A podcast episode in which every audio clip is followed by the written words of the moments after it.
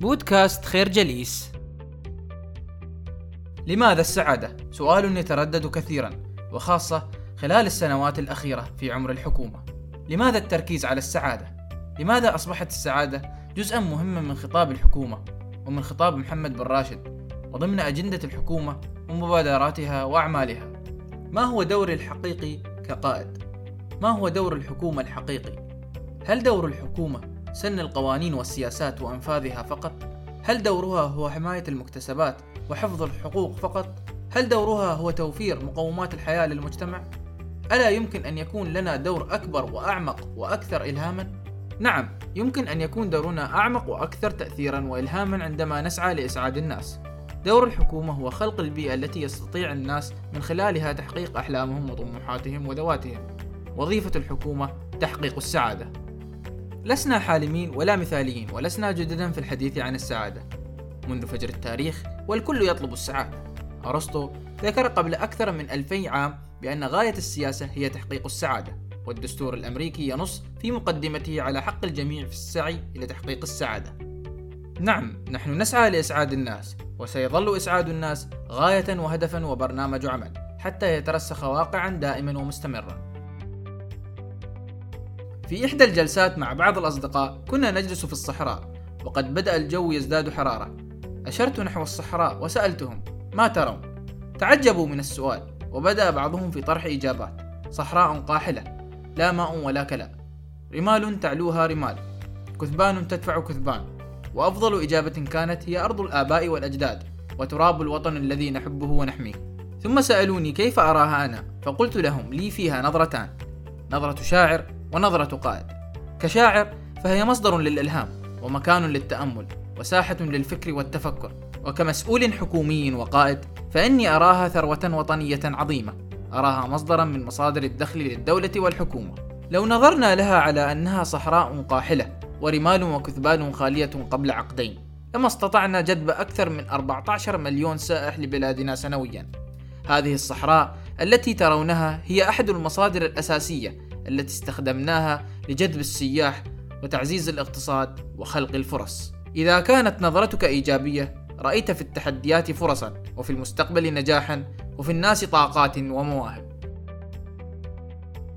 في أواخر عشرينيات القرن الماضي كان اقتصاد دبي يقوم بشكل أساسي على تجارة اللؤلؤ وكان البحر على قساوته هو المصدر الأساسي للمعيشة والركن الرئيسي الذي يقوم عليه اقتصاد دبي البسيط. ولكن كانت دبي على موعد مع تحد جديد حيث اكتشف اليابانيون تكنولوجيا مكنتهم من تصنيع اللؤلؤ بتكلفة قليلة حيث تلاشت شيئا فشيئا الحاجة للؤلؤ الطبيعي. في تلك السنوات بدأ نجم الشيخ راشد رحمه الله بالبزوغ أدرك ذلك الشاب بأن دبي مقبلة على فرصة هائلة إذا استطاعت أن تحول نفسها وتغير مسيرتها لتكون مركزا تجاريا حقيقيا للمنطقة. وبدأت مرحلة جديدة لدبي. ما زلنا نقطف ثمارها حتى اليوم. فانتقلنا من مطار صغير بمدرج ترابي عام 1960 ليكون مطارنا الأكثر إشغالا بالمسافرين الدوليين على مستوى العالم حيث بلغ عددهم في عام 2016 أكثر من 83 مليون مسافر.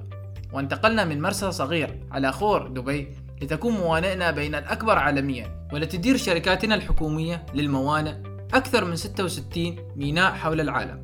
القائد الإيجابي لا ينظر للأزمة على أنها نهاية العالم. بل بداية عالم جديد من الإبداع والإنجاز. فالحظ لا يصنع الرجال بل الرجال هم الذين يصنعون الحظ.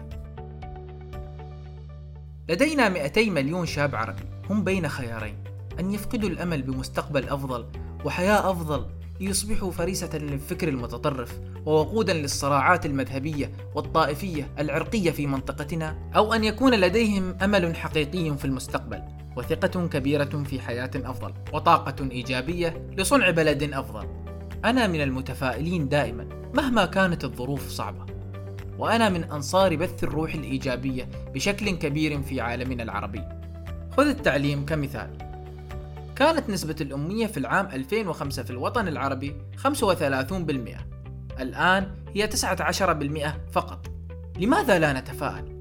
اقتصاديا الناتج الإجمالي للدول العربية تضاعف خمس مرات بين عام 1980 و 2010 هناك تطور اقتصادي. لماذا لا نتفائل؟ الشباب الذين بنى أجدادهم إحدى أعظم الحضارات قادرون بكل تأكيد على إعادة البناء وتغيير الواقع بل ومنافسة العالم. وفي الختام الإيجابية هي طريقة تفكير والسعادة هي أسلوب حياة. ليس ما تملكه أو ما تفعله هو ما يجعلك سعيدا بل كيفية تفكيرك بكل ذلك. نشكركم على حسن استماعكم. تابعونا على مواقع التواصل الاجتماعي لخير جليس.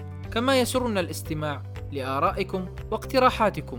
ونسعد باشتراككم في البودكاست.